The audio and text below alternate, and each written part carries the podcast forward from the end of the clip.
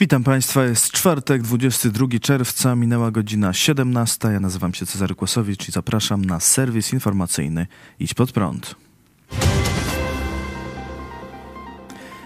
Andrzej Duda i Jacek Sasin wygwizdani na otwarciu Igrzysk Europejskich. Prezydent Andrzej Duda był obecny na otwarciu Igrzysk Europejskich w Krakowie, które odbyło się wczoraj ale raczej nie było mu do śmiechu. Kiedy konferencjer wymienił jego nazwisko, publiczność zgromadzona na stadionie zareagowała gwizdami i buczeniem. Podobną reakcję musiał znieść minister aktywów państwowych Jacek Sasin, który jest też pełnomocnikiem rządu do spraw igrzysk. Publiczność gwizdała i buczała podczas całego jego wystąpienia. Minister Sasin następnego dnia tak skomentował zdarzenie na Twitterze.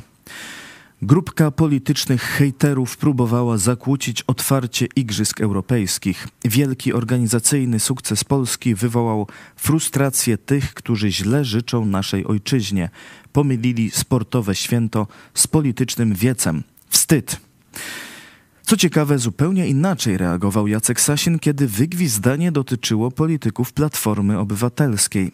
W 2012 roku, kiedy podczas obchodów rocznicy Powstania Warszawskiego Wygwizdano i wybuczano m.in. Hannę Gronkiewicz-Walc. Jacek Sasin mówił, Moim zdaniem to było takie spontaniczne zachowanie ludzi, którzy bardzo emocjonalnie przeżywają to, co się dzieje w Polsce i od razu chce się ich zaszufladkować politycznie.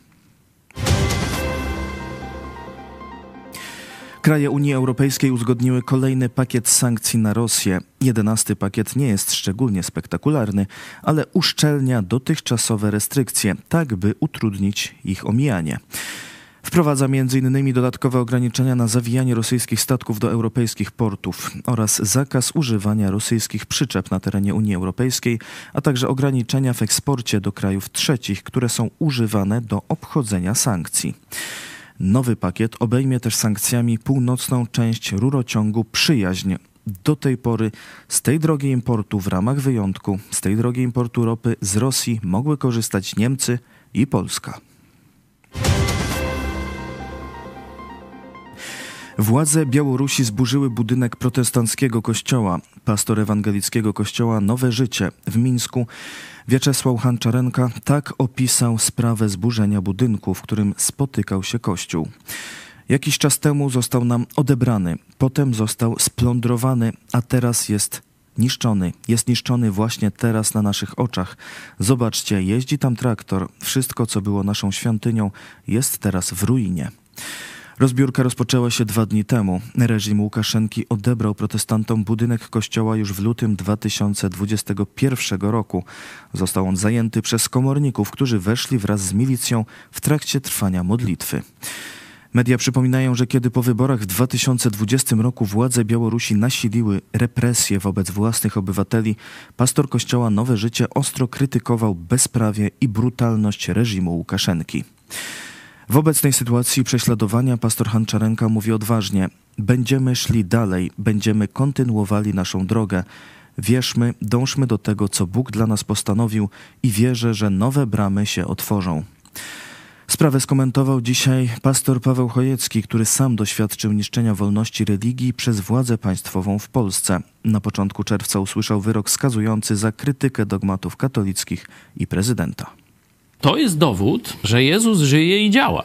Jezus powiedział, że to prawda was wyswobodzi, że będziecie żyli w kłamstwie, a komunizm, katolicyzm, cerkiew moskiewska to jest największe kłamstwo. Oni boją się ludzi, którzy nie boją się mówić prawdy. My mówimy prawdę w najważniejszej sprawie zbawienia, że tam sakramenty tych wszystkich kościołów, te ich teologie, zabobony, to wszystko jest, e, że tak powiem, do niczego, bo tylko żywy Jezus zbawia za darmo, czyli sprawa o dusze ludzkie, zbawienia, ale teraz ludzie wyzwoleni przez Jezusa Chrystusa, Chrystusa, oni mają odwagę mówić prawdę we wszystkich aspektach życia społeczno-politycznego. Ziobro, Kaczyński czy Łukaszenka boją się tych społeczno-politycznych skutków protestantów. Myślę, że ten Kościół Nowe Życie i pastor Hanczarenko to jest przyszłość, to jest przyszłość Białorusi. Dzisiaj wydaje się, że przegrali, no bo ich wypędzili z kościoła, z budynku, ale kościół przecież to nie budynek, nie?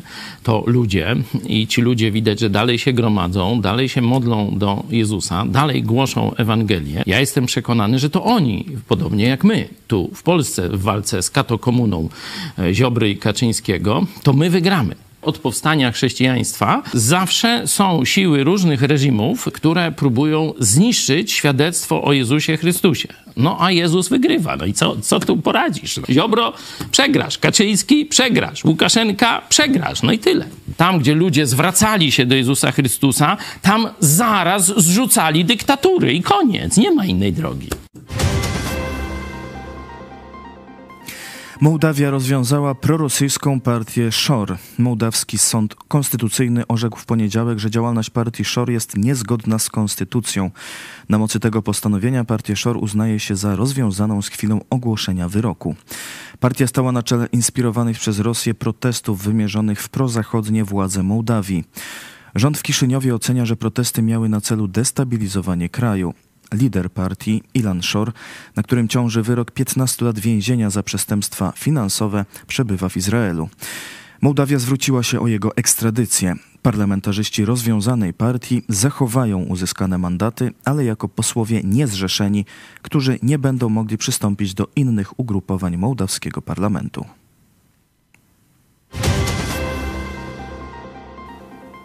Tajwan i Polska podpisały dwa memoranda o współpracy w dziedzinach samochodów elektrycznych i energii wodorowej.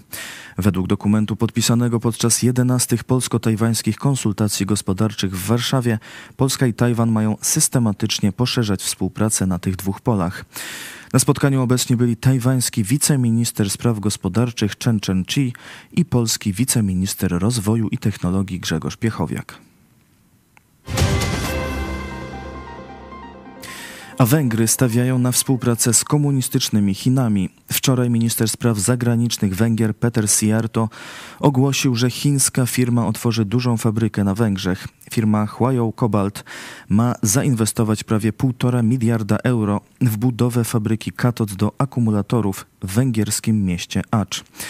Lokalizacja nie jest przypadkowa. Nieopodal w mieście Dior znajduje się fabryka niemieckiego producenta samochodów Audi. Będzie to pierwszy zakład firmy Huayou Cobalt w Europie. Ma zatrudnić 900 osób. Do zatrudnienia ma dopłacić państwo węgierskie. Fabryka ma produkować rocznie 100 tysięcy ton materiału katodowego, który będzie używany w produkcji baterii do samochodów elektrycznych. Minister Siarto powiedział: Negocjowaliśmy prawie dwa lata, by ściągnąć te inwestycje na Węgry. To były międzynarodowe zawody i brało w nich udział sporo innych europejskich krajów. To wszystko w tym wydaniu serwisu. Dziękuję Państwu za uwagę. Kolejny serwis jutro o 17, a jeszcze dziś o 18. Kontrewolucja, chrześcijaństwo i Arystoteles. Historia fatalnego związku. Część druga wykładu Piotra Setkowicza. Zapraszam, do zobaczenia.